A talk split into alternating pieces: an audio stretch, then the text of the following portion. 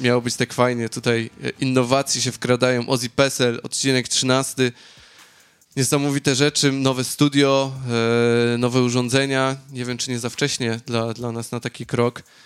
E, póki co nasi drodzy słuchacze słyszycie tylko mnie, bo dzielimy się dzisiaj w naszym nowym studiu, jak już wcześniej wspomniałem, z Robertem mikrofonem. A dzielimy się mikrofonem z tego względu, że jest z nami gość. Cześć. Ten, ten gość, ten głos, y, który słyszeliście właśnie z OFU, e, to on, myślę, że nie trzeba tutaj ukrywać naszych e, persona- zbieżności, e, naszej historii, przeszłości. Mój, mój kolega z liceum, Kuba Jarząbek. Teraz, Cześć. teraz możesz powiedzieć już, wiesz, co tutaj robisz i dlaczego. Zapowiedz ty na przykład nam ten tytuł odcinka, bo my z Robertem mamy taką tradycję, to ci wytłumaczę teraz, żeby wszyscy wiedzieli. A Robert, czemu ty kręcisz tymi gałkami? Robert, nie, nie kręć głębkami. No dobra. E, Ten odcinek będzie pełen takich e, wyrw i małych przerw, tak jak mówiłem, e, nowy sprzęt, nowe, nowe rozstawienie. Mm, Robert na razie jest tutaj naszym realizatorem, ja, ja poprowadzę tą audycję, ale wracając do naszego gościa. E, znaczy, o co ja się ciebie pytałem, co ty tutaj robisz właściwie? Miałeś zapowiedzieć temat odcinka. Co ty tutaj robisz? No, no, jestem tu, bo, bo mnie zaprosiłeś, no i przyszedłem, to dziękuję chłopaki za zaproszenie. E, a, a zaprosiłeś mnie, rozumiem, w temacie takim, że Wrm, wrm. tak, samochody i, i, i rozwalanie aut po lasach generalnie. E, Ja to w, w cudzysłowie nazywam e, najdroższy sport, e, jaki tutaj właściwie widziałem. Są droższe, ale ten jest drogi i głupi, no. Mhm, To mhm. na pewno. To, to może w końcu zdradźmy, że chodzi nam tutaj o 4 na 4 e, ale nie, jakie, nie byle jakie 4 na 4 chociaż nie wiem, czy powinienem to mówić, bo ja wiedzę mam naprawdę znikom na ten temat. Em, no, chodzi mi o to, że może niech to jest nasz element wejścia. Czy No Okej. y, porównanie 4 na 4 tutaj i w Polsce, to czy, jaka jest zasadnicza ró- różnica? W sensie, tak wiesz, łopatologicznie. A to zależy o, e, o czym mówisz, bo masz offroad taki stricte turystyczny, który mimo wszystko większość ludzi e, uprawia w Australii czy na świecie, Mhm. który powiedzmy masz samochód, który po, po prostu potrafi wjechać Tam, gdzieś gdzie tam się nie da dalej. dojść. Tak, i chcesz po prostu spędzić czas na łonie natury w trudniej dostępnych miejscach, Mm. więc myślę, że to jest taki najbardziej popularny offroad turystyczny. Tak, Czyli, e, no właściwie ma to, to sens, bo teraz się tak zastanawiam, patrzę automatycznie na Roberta, Robert jeszcze jest niemy, tak jak mówię, e, bo zastanawiam się, ja będę dzisiaj takie hipotezy budować, ty je będziesz potwierdzać albo obo, obalać, e, że, czyli większość tych ludzi, co się rozbija tymi tutaj furami, to to są tacy totalnie turyści, to nie jest coś, co oni robią, wiesz, jakoś tak bardziej fachowo, no nie wiem, od 1 do 10, jak miałbyś ocenić. No to, to jeszcze kończąc jakby tę- tą odpowiedź, to, to, No. to masz taki offroad turystyczny stricte. Mhm. Masz też taki offroad typu bush bashing, czyli, czyli Bush wziąć bashing. bush bashing, typu wziąć A. auto, pojechać na track, po prostu zrobić jakieś bardziej ciężkie rzeczy, po prostu się pobawić i, i, i wrócić do domu. No a masz też zawody Okej. e, offroadowe i to sumie. tam w różnych klasach właśnie od takich modyfikowanych aut, które jeżdżą normalnie po drogach, po, po takie totalnie zmodyfikowane czy tam buggy, czy, czy w ogóle jakieś e, Frankensteiny zbudowane w garażu, więc no tutaj e, ja osobiście gdzieś tam jestem w takiej strefie turystycznej mimo wszystko, ale no gdzieś tam często jeździmy Jesteś ze znajomymi sobie, sobie no, popsuć auto do lasu, że Mm. tak powiem. No właśnie, i teraz, i teraz y, właściwie y, my- myślałem, że y, aż tak łatwo mnie nie zaskoczysz, a, a, a tu widzisz, teraz trawię te wszystkie informacje, które tutaj padły i zastanawiam się, bo okej, turystyczny, zgadzam się i, i tak mniej więcej właściwie sobie gdzieś ciebie zaszufladkowałem, powiedzmy, może z jakąś dozą już bardziej profesjonalizmu, a później bym, no właśnie, i później wydawało mi się, że jest jakiś taki znikomy procent ludzi, którzy robią to bardziej profesjonalnie, ale na przykład o zawodach nie, w ogóle nie myślałem w swoim, w swoim takim prywatnym rank- rankingu. Byłeś tu kiedyś na jakichś takich zawodach? Czy w sensie, Nie. gdzie, gdzie są takie najbliższe zawody? Nie słyszałem w ogóle. No, tych, na tych samych trakach, gdzie my jeździmy, są organizowane zawody. A, Myślę, okej. że w Polsce jest mnóstwo, mnóstwo tego typu zawodów, to nie wiem, tam jakiś rajd Bałty czy coś takiego Mhm. czasem tam oglądam. E, teren wizję na, na, na YouTubie, to, to gdzieś tam No ja byłem- się, że jest sporo takich zawodów. Szcz- Szczerze nie śledzę tego, No. nie, nie interesuje mnie to specjalnie. Um, no ale wiem, że takie rzeczy są. No to nie wiem, jestem, jestem teraz zbity, zbity z tego tropu, muszę, muszę zgłębić to. Może kiedyś e, wybierzemy się na takie offroadowe wyścigi. No jak tutaj wszystko, ile na przykład e, najbliższy taki offroad, jaki jesteś w stanie tutaj zrobić od nas? No, mieszkamy w tych samych okolicach dla naszych No. słuchaczy. To myślę, że Menai Aha, czyli? To jest tak totalnie najbliżej, to są tereny no gdzieś tam poza Sydney, zaraz, nie wiem, 20 km stąd, Okej. W kierunku, w kierunku tam Waterfall, Kronali. Mhm. Masz Menet, są tereny e, bodajże elektrowni atomowej. Oficjalnie nie możesz tam jeździć, więc, więc e, no. e, to, to się wytnie, to spoko. A te- teraz się zastanawiam, bo przypomniał mi się, że przecież byliśmy na tym, na małym offroadzie, takim pseudo-offroadzie, nie wiem, można to nazwać, właśnie. nazwać offroadem w ogóle? no to to było w Menai. Mhm. Strasznie dużo opon tam było, pamiętam. Było, straszny śmietnik tam jest, no. Okej, e, mam nadzieję, że z biegiem dojdziemy do jakichś bardziej e, takich seksownych obrazków, bo mam tutaj na liście e, wypisane niektóre, niektóre miejsca, w których byłeś. Em, no i dobra, ale to może zacznijmy od genezy, bo, bo to jest, y, to będzie moje ostatnie pytanie w tym wejściu i później prze, przekazuję mikrofon Robertowi. E, jak, jak to się zaczęło? Ja tam coś wiem, coś pamiętam, opowiadałeś, ale teraz, y, wiesz, niech to się nagra.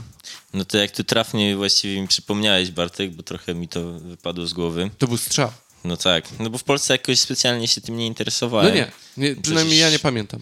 Um, no, nie wiem, parę miesięcy po tym, jak przyjechaliśmy do Australii, to e, postanowiliśmy pojechać sobie w jakiś tam kilkutygodniowy trip, żeby coś, coś zobaczyć i, i, i właśnie znajomy pożyczył mi swoje Pajero. No i okazało się, że tym autem można wjechać w takie miejsca, gdzie drogi do tych miejsc nie wprowadzą. Czy to na plażę, czy to na jakąś bardziej wymagającą szutrową drogę. No i stwierdziłem, że to jest całkiem fajny sposób na przemieszczanie się i poznawanie tego kraju, który jest w ogromie tak naprawdę niepokryty e, drogami utwardzonymi i w wiele miejsc prowadzą albo drogi szutrowe, albo totalne e, traki leśne. I... Albo brak jakiejkolwiek drogi. Nie, no traki zawsze są. Raczej nie powinieneś jeździć poza wytyczonymi drogami, bo to psuje naturę. No w sumie. Ale mam wrażenie, że widziałem ludzi, którzy, którzy to robią. A E, na pewno. To na pewno Polacy. E, widziałem, e, Boże, widziałem. Przypomniało mi się teraz, jak wspominałeś o, em, o tej plaży. Czy tam nie było epizodu, że te auto zakopałeś się tam? Zakopało się to auto, a wtedy Samo. mieliśmy. No mieliśmy wtedy dość małą wiedzę na temat tego, co robimy. Fakt, że udało nam się włączyć ten napęd na- e, w tym Pajero był już całkiem jakimś tam osiągnięciem. No, nie wpadliśmy na to, że wjeżdżając na, pasek, na piasek warto e, trochę spuścić e, powietrze z opon. Mamy to, pierwszy tip. To, a to Tak, akurat ma to sens, nie? Jak w sensie, jak o tym pomyślisz, ale nie wiem, czy bym No o tak. tym tak automatycznie No my nie pomyślał. zrobiliśmy żadnego researchu, myśleliśmy, że jest to idiotoodporne, nie jest. Um, więc tak, wjechaliśmy tam na, na, na plażę, zakopaliśmy się, co nie było jakimś problemem, bo i tak nam się podobało, gdzie się zakopaliśmy, więc postanowiliśmy rozbić tam obóz. A szczęście nam jednak dopisało i ktoś przechodził i, i zasugerował nam to, że może jednak nie chcemy tu rozbijać obozu, bo, bo są pływy. No i, i, i rano na przykład tutaj nie ma tej plaży. Więc, Mogłoby nie być auta. No mogłoby nie być auta razem, razem z tym pływem, także Dość, dość częste są te obrazki, nie? E, Tak. Zatopionych aut i, i, i, i tak dalej. no teraz się z tego śmieję, a wtedy mógł, mógł, mógł być to bardzo e, kosztowny błąd. No. Jo jokes on you, jak to e, się mówi. Dobra, ja się nagadałem. E, teraz e, Robert, w końcu pora, żeby się przywitał z naszymi słuchaczami. Cześć Sorry. Robert, Siemka, cześć Kuba. co tam, jak tam? No, dawno się nie widzieliśmy. No. z Bartkiem się bardzo dawno nie widziałem, bo już minęło trochę czasu od ostatniego odcinka. Z Kubą się nawet przyszedłem tutaj do Bartka, bo tak się zgrywa, że, że nawet mieszkamy dość blisko siebie. Jest tak. E, więc jego Frankensteina samochodowego, którego teraz e, przerabia i będziemy za chwilę o to się też dopytywać, widuję dość często.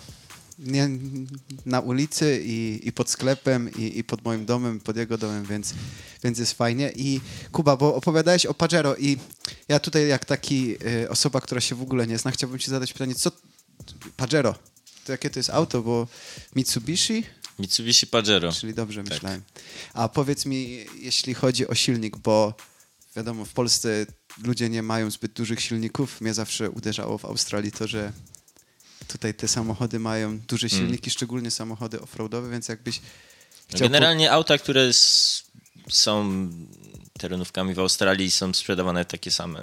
Takie same auta są sprzedawane na rynku polskim, więc silniki są dość Po... podobne. No to widzisz, to na przykład jest ciekawe, no. I tam jakieś Hiluxy czy, czy Pajera, no to tam w okolicy 3 litrów to, to się zawsze trzymają.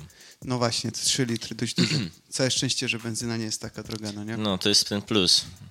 To jeden z tych kolejnych czynników, który jakby pozwala to tutaj robić dość bezboleśnie w stosunku do, do, do Polski, gdzie jakby benzyna jest na tyle droga, że nawet nigdy nie wpadł na to, żeby wziąć auto i po, pojechać do lasu. No, no tak. Chociaż ja znam takich ludzi, co też jeżdżą, więc e, nie czuj się wyjątkowy, że tylko w Australii możesz jeździć. Słuchaj. e, Nie, no wiem, no, no, kultura offroadowa w Polsce jest dość, dość konkretna, bo no, tak jak mówiłem, tam patrzę czasem na jakieś tam e, kanały na YouTubie.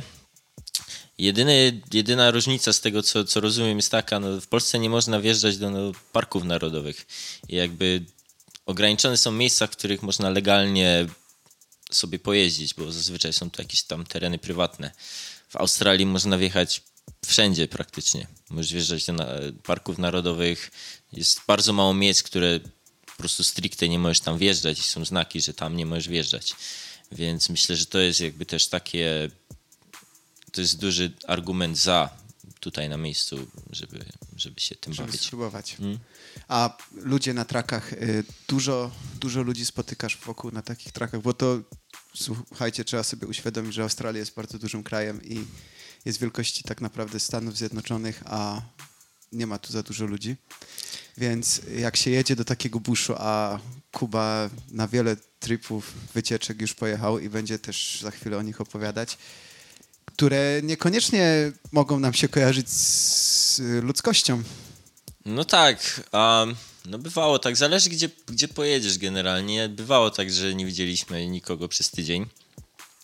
Z tym, że mm, no, może to wynikać po prostu z takiego zwykłego powodu, że cały czas się przemieszczamy, bo nie zdarzyło mi się jeszcze, żeby, żeby był jakiś problem na traku, i gdzie, gdzie stajemy na jakiś tam czas, żebyśmy kogoś nie, żeby ktoś nas nie minął po prostu, więc, więc, więc jakby zawsze, zawsze ktoś tam jest. Wiadomo, że, że, że okresy takie wakacyjne jest więcej ludzi, a no, jak gdzieś tam jedziesz poza sezonem, no to, to, to tych ludzi jest o wiele mniej, nie?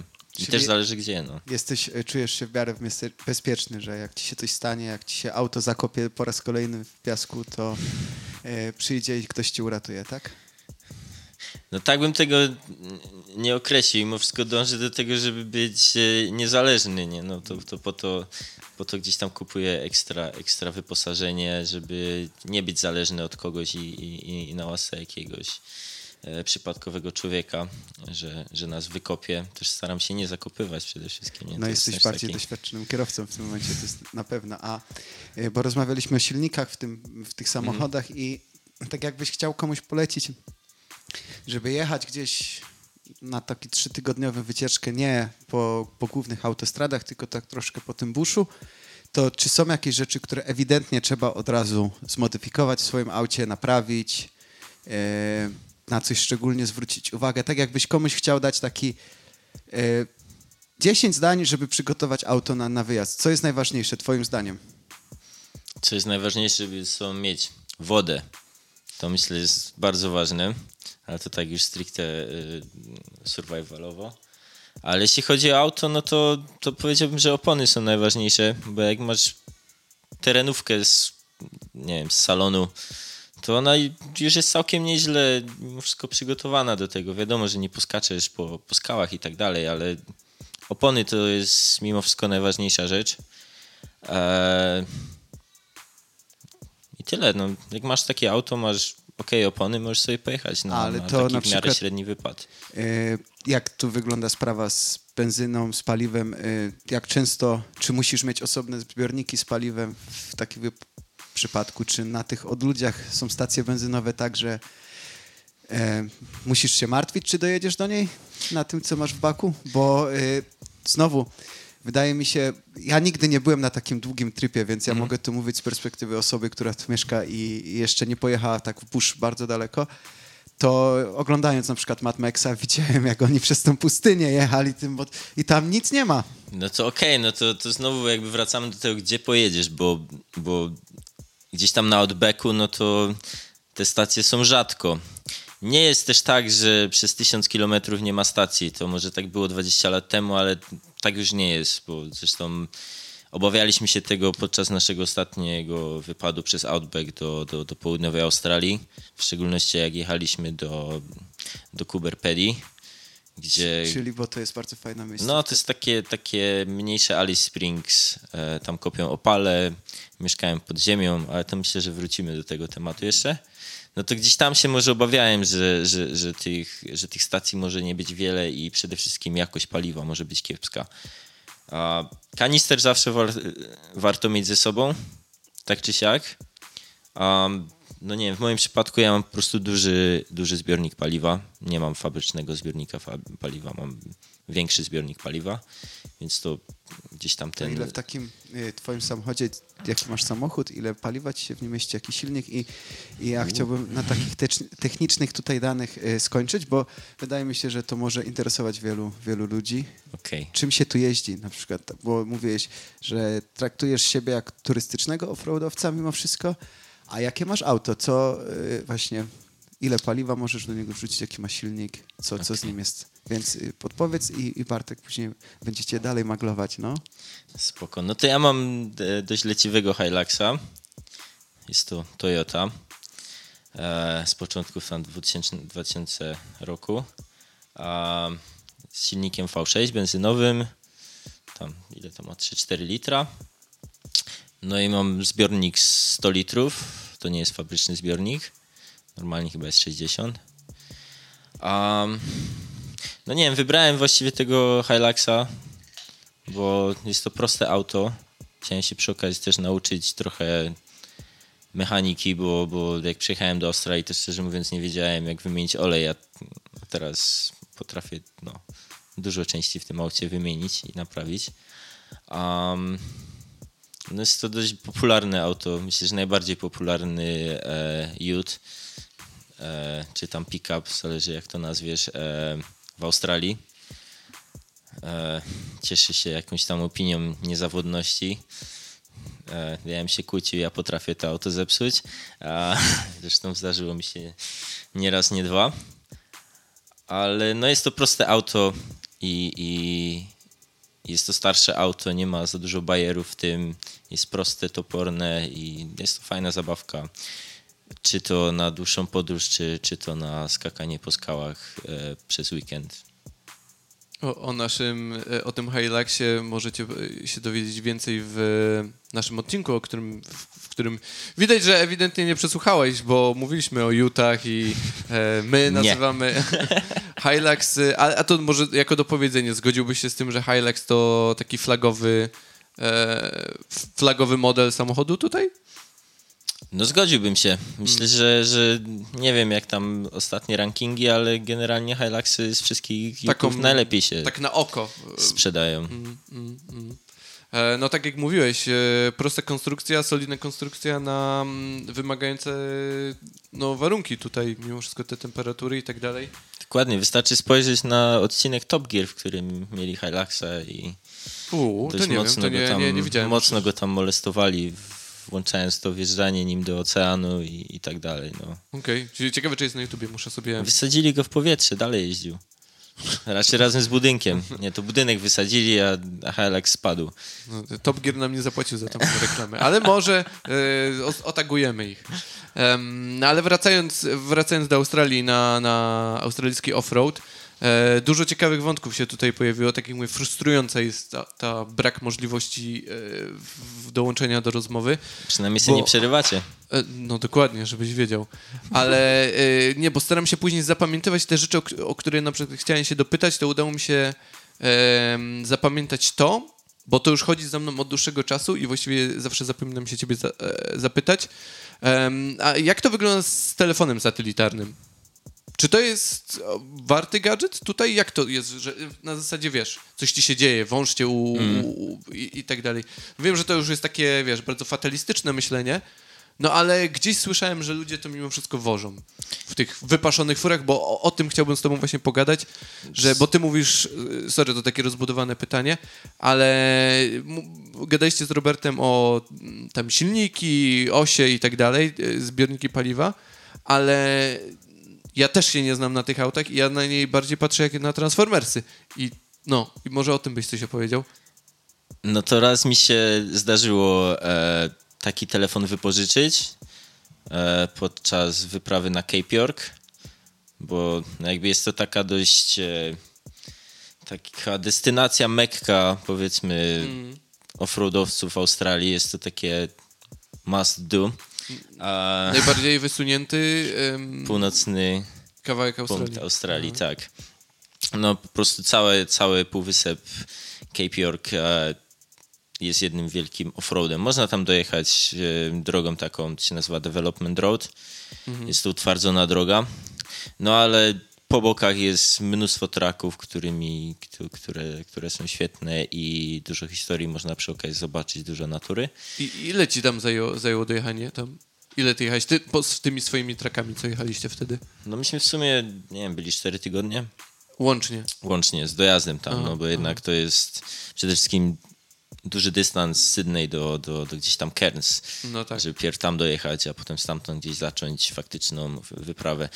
No ale to, to miałem ten telefon satelitarny, bo, bo gdzieś tam przygotowywaliśmy się do tej wyprawy i, i byliśmy mocno na zapas przygotowani rozumiem. teraz mogę to stwierdzić z, jakby z tej perspektywy, bo znowu jakby gdzieś tam wszystkie opisy są powiedzmy sprzed dwóch, trzech lat i to się cały czas rozwija, więc coraz łatwiej jest, coraz bezpieczniej i no nie był ten telefon potrzebny. Co prawda nie było zasięgu przez większość czasu, ale były miejsca czy tam przy jakichś roadhouse'ach, e, czy takich miejscach przy drodze, gdzie, gdzie można sobie odpocząć, zjeść coś. Taki pub, tylko że przy drodze.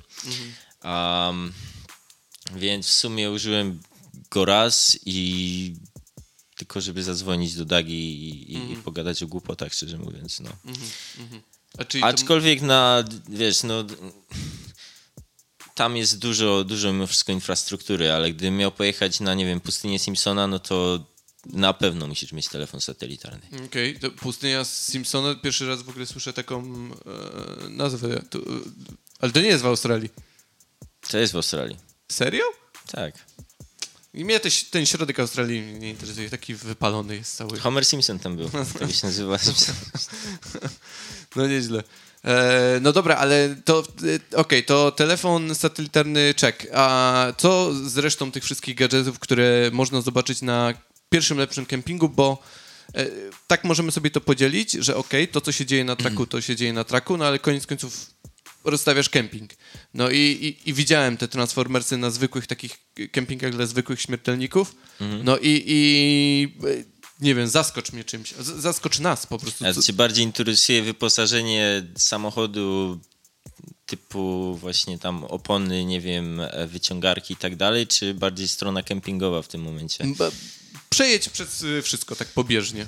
Wszystko No co zacząłbym do tego, że trzeba pierw dojechać do tego kempingu, a to czasem jest nie lada wyzwanie, no to mm, no nie wiem, w moim przypadku to, to przede wszystkim zawieszenie opony, no to, to już powiedziałem, no ale zawieszenie, które podnosi samochód, większe opony niż standardowe, Bo ty podniosłeś auto.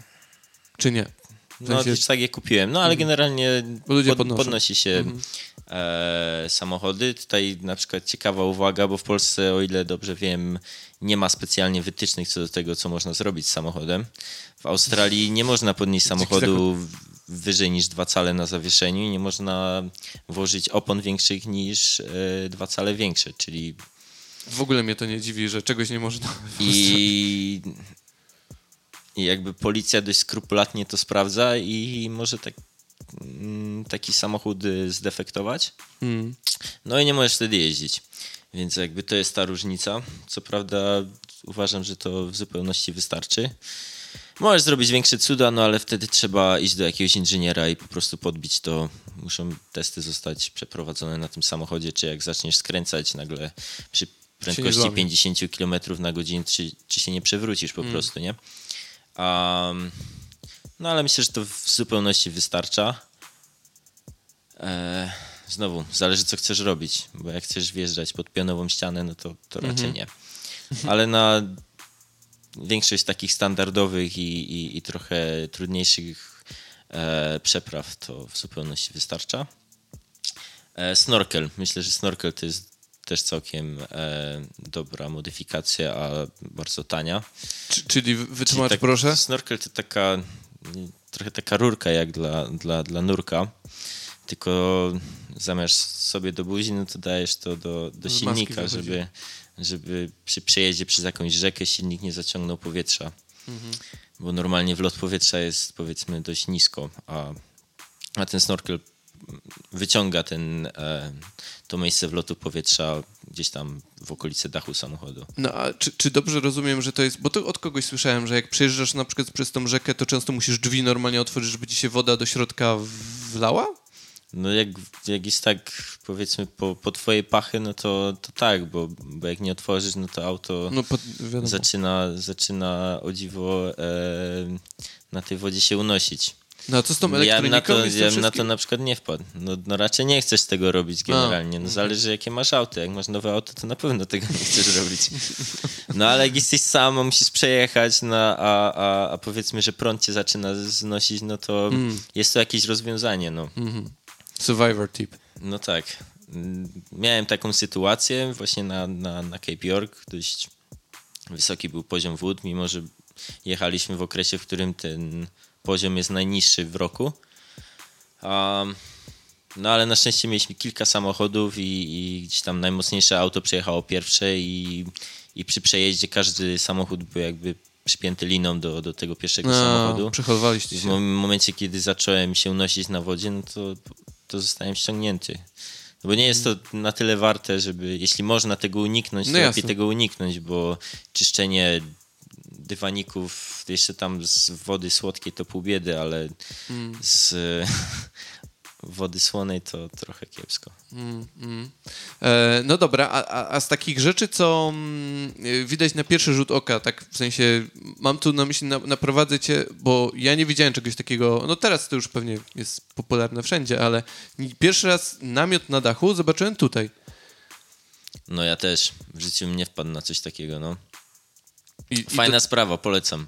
Masz takowy. Tak, I- mam takowy. I, I mm, jak to działa? Opisz to naszym słuchaczom, no bo tak jak mówię, to nam się fajnie gada, bo to widzieliśmy, no ale Dobra. A, no to też jest taki temat rzeka. Tak naprawdę to zresztą tutaj taki, takie oczko bym e, chciał e, puścić do naszego wspólnego Znajomego. przyjaciela e, Pawła Wieczorka, to e, z namiotami to jest jak z samochodami terenowymi. To no, rozumiem. jest temat rzeka. To można e, dewagować całą noc i nie znaleźć konsensusu. No Z ale autopsji ge- mówisz? generalnie tak. generalnie dzielą się na e, soft shell i hard shell. Mhm. Czyli takie, które mają powłokę plastikową, jak się zamkną, i takie, które mają miękką powłokę, jak, jak są zamknięte. Czy jak w walizce albo, albo po prostu... Tak, jak torba i walizka, tak, tak, tak. Myślę, że to jest dobre porównanie. No ja mam e, torbę, Mhm. i, i, ale będę zmieniał na walizkę, Mhm. zdecydowanie. E, no jest to fajne, jest to wygodne e, z wielu, z wielu e, przyczyn. No przede wszystkim łatwo się to rozkłada, bo po prostu.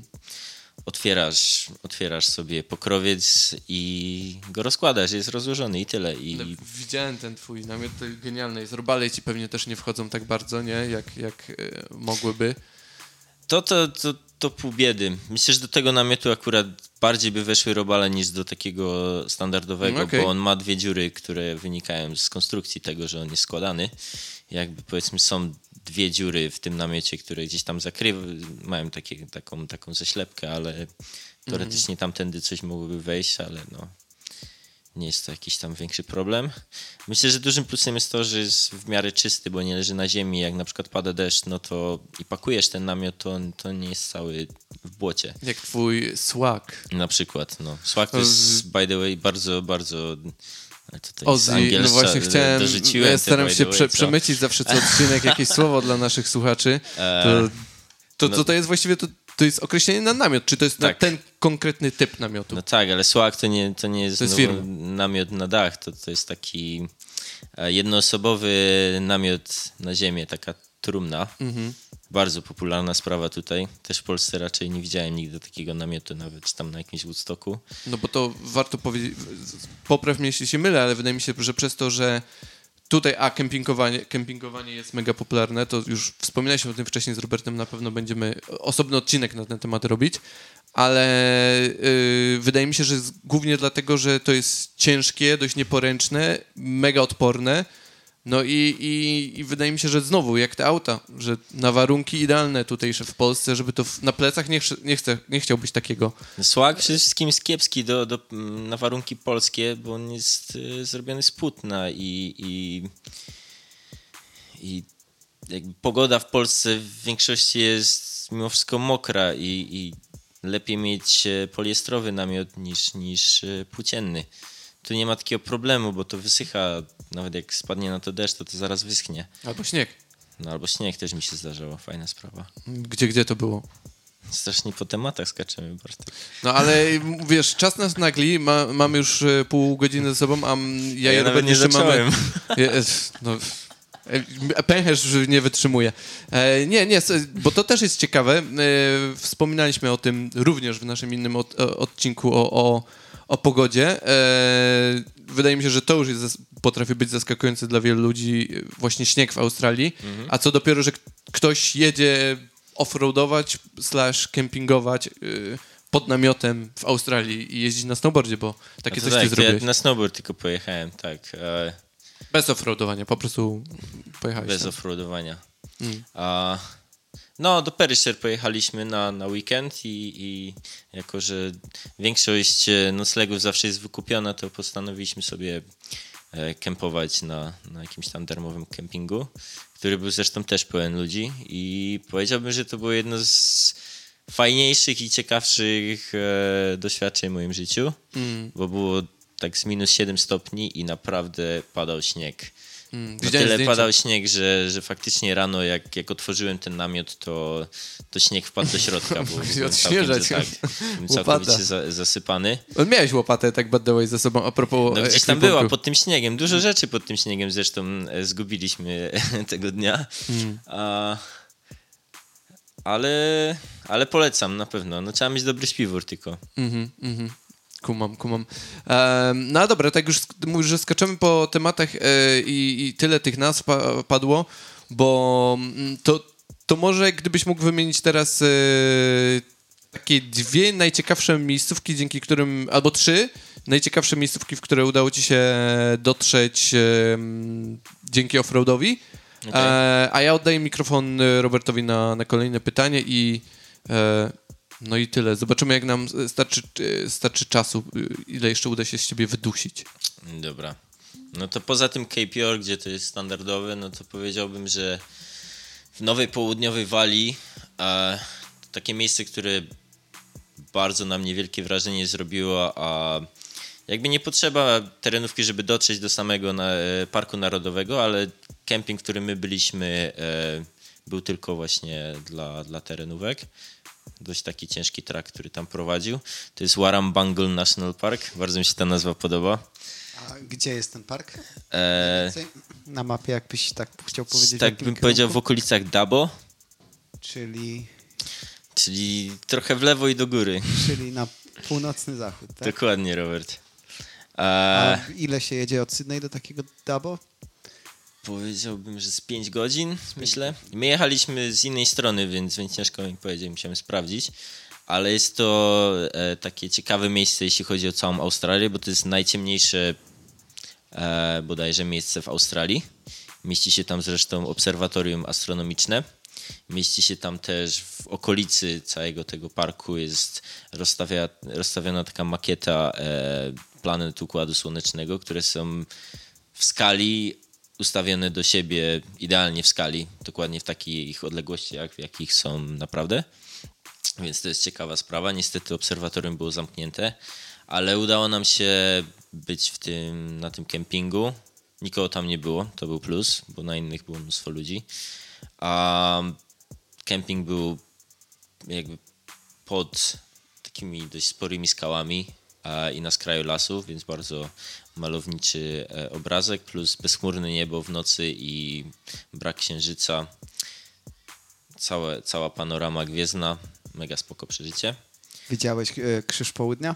Widziałem krzyż południa, tak potrafię znaleźć krzyż południa na mapie. No to bardzo dobrze. Parę, parę innych rzeczy też jeszcze. Uczysz się tak, uczę się, mam taką fajną aplikację. No tak, no tak. A więc jeśli chodzi o Nową Południową Walię, to to jest bardzo fajne miejsce do pojechania. I faktycznie trzeba tam mieć terenówkę, żeby wjechać na ten konkretny kemping, tak jak mówię. E, myślę, że lepiej widać niż na, na jakby ogólnodostępnych kempach. E, inne miejsce. Nie wiem, Fraser Island. Bartek, ty byłeś na Fraser Island. No, tam bez terenówki ani róż, bo sam piasek. Zresztą nazywa się po polsku Wielka Wyspa Piaszczysta, tak? Tak, i mówiliśmy nawet o niej w ostatnim odcinku, jak Bartek Którego nie słuchałem, okej. e, gdzie był na świętach, więc te tematy nam się tak troszkę przeplatają, bo koniec końców Australia to taka Tak, za, za wielka nie jest faktycznie. No. e, al- jest bardzo duża, ale no, wiele rzeczy się chyba tutaj tak aż nie da robić. Można offroadować i, i to chyba jest najfajniejszy czas i najbardziej popularny sposób spędzania wolnego czasu wśród Australijczyków. Zgodziłbyś Ja się myślę, z że jest miejsc, miejsc do pojechania jest mnóstwo, tylko dystanse są ogromne. My po prostu z każdym tripem gdzieś tam jedziemy dalej. Jakby Fraser Island z naszego położenia jest dość łatwe do, do, do pojechania i jeszcze po drodze jedziesz sobie e, przy samym oceanie, więc jest mnóstwo rzeczy, które można zobaczyć po drodze. Żeby pojechać, nie wiem, do, do Adelaide, no to tak naprawdę po drodze dużo rzeczy nie ma, bo jest outback. No i faktycznie, no jedziesz i jest, jest pomarańczowo. Co prawda byłem zaskoczony, bo to jest moje trzecie miejsce, by the way. Outback. Byłem zaskoczony, jak bardzo zmienia się krajobraz. Mieliśmy szczęście, co prawda, być tam w czasie, gdzie padał deszcz, więc jakby była dość spora wegetacja. I faktycznie krajobraz zmieniał się co parę kilometrów na totalnie inny. I było zielono, było niebiesko, było okay, głównie pomarańczowo, ale byłem zaskoczony, że mimo wszystko jest taka różnorodność, jeśli chodzi o, o, o, o florę. I nie jest tak, że jest tylko pomarańczowa e, martwa ziemia na No odbeku. właśnie, bo y, to chciałbym zadać pytanie, bo my tu ciągle y, straszymy naszych słuchaczy, że jak przylecą do Australii, to, to mogą z nami zostać, z nami zamieszkać, więc y, jakbyśmy chcieli im pokazać czerwoną ziemię, bo to chyba się bardzo ludziom kojarzy z Australią, Mhm. mi się zawsze kojarzyło, czerwony krajobraz, to czy trzeba daleko by było jechać od Sydney? No myślę, że w Dabo już zobaczysz czerwoną ziemię, no. Czyli 4-5 godzin? Mhm. Żeby- Ale że, żeby zobaczyć taki outback, outback to Broken Hill. Czyli znowu, to jakbyś chciał powiedzieć, że bardziej do środka Australii? Tak, Broken Hill jest na, na granicy między, między Nową Południową Walią a, a Południową Australią. Zresztą tam Mad Maxa kręcili, O. dwójeczkę. Pewnie tego nowego też. Um, jest tam nawet Muzeum Mad Maxa.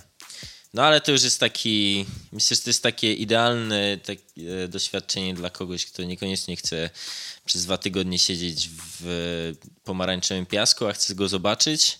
Jest nadal dość, jest to dość spore miasto, no ale, ale krajobraz jest bardzo pustynny.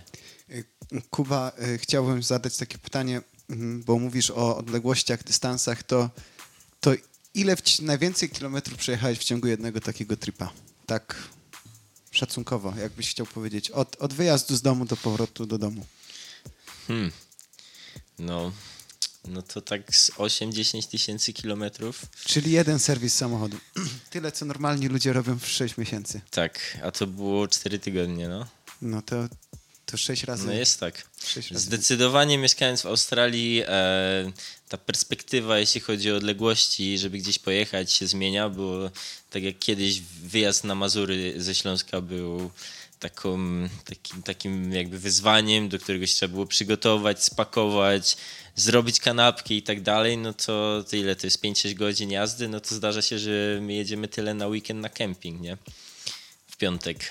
Gdzieś tam o piątym, o piątej wyjeżdżamy, gdzieś tam o 11 jesteśmy, mamy całą tą sobotę, pół niedzieli i jedziemy z powrotem. No. I połowę czasu też trzeba spędzić w korku później y, na wyjeździe z miasta.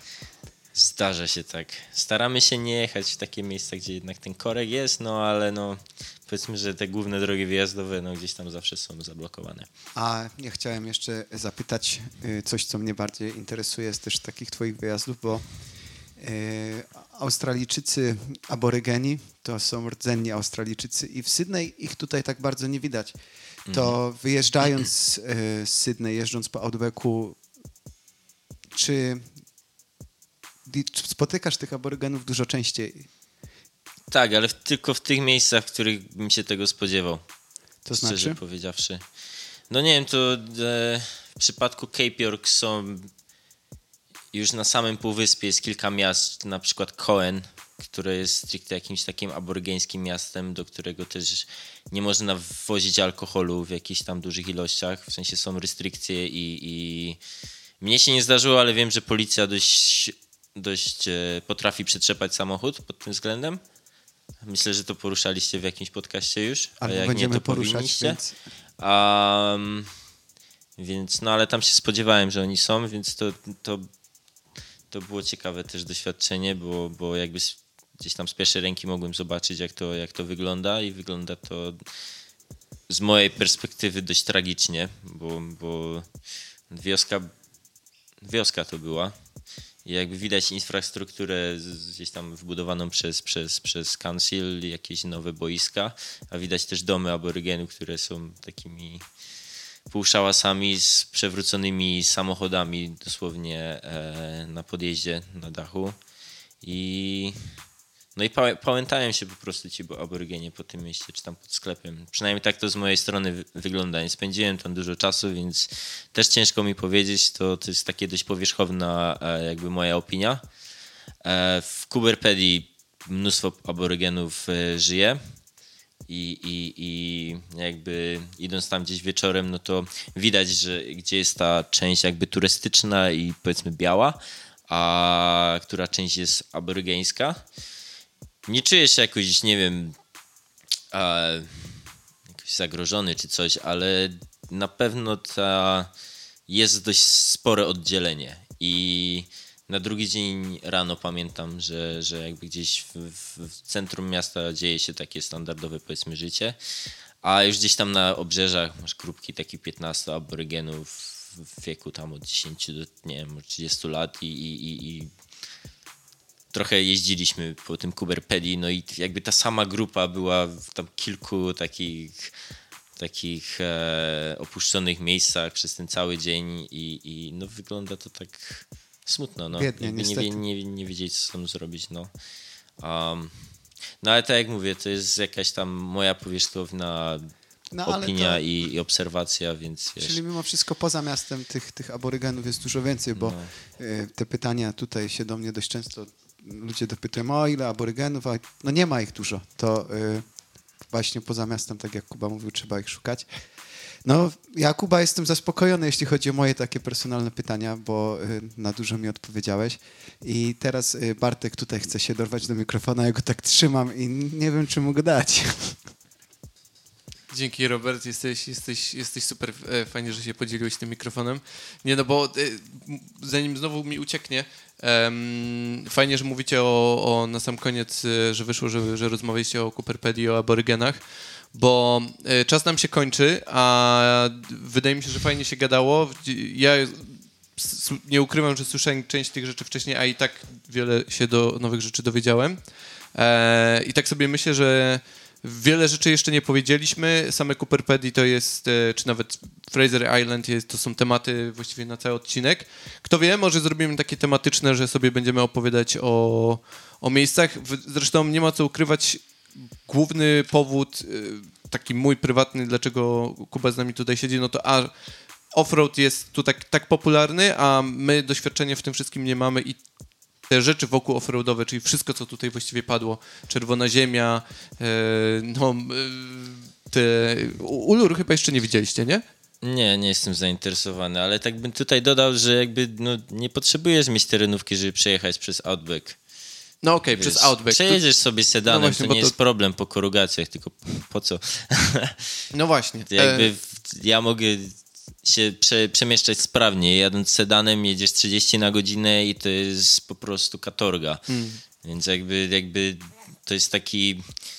Um, jest to jakaś tam szutrowa, powiedzmy, droga piaskowa z dość sporymi korugacjami, czyli takimi e, karbowaniami na drodze, Mhm. które robią się podczas, podczas użytkowania tej Jechałem drogi. przez takie coś, pamiętam No, jeszcze to- swoją Hondą Legend. Tragedia, sam wiesz Bartek jak to jest. No, no właśnie, więc e, dlatego e, chyba po swoich doświadczeniach e, mimo wszystko zacząłem od tego, że to jest sport dla bogatych. E, Snoop Dogg jeszcze się do, co do podcasta nie odezwał, więc e, pozostanę przy tym wygodnym wybrzeżu i będę się bujać po tych asfaltówkach i plażach. Tak sobie e, ja z tą Australię tutaj spędzam, ale co nie zmienia faktu, że mega ciekawe mnie te wszystkie miejsca, w których ty byłeś i, i w których planujesz być i, i e, fajnie byłoby tą, o tym wszystkim opowiedzieć na- naszym słuchaczom. Nie chciałbym o tym czytać w internecie, skoro możemy o tym sobie pogadać. E, to zawsze lepiej brzmi moim zdaniem, jak coś jest z pierwszej ręki. Takie po prostu praktyczne informacje.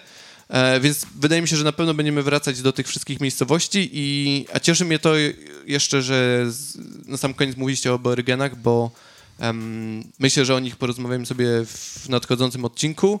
To Zbliża- trudny temat bardzo jest. Słucham? To bardzo trudny temat generalnie Dlatego jest. musimy mieć dużo czasu, żeby się przygotować, no, No. ale...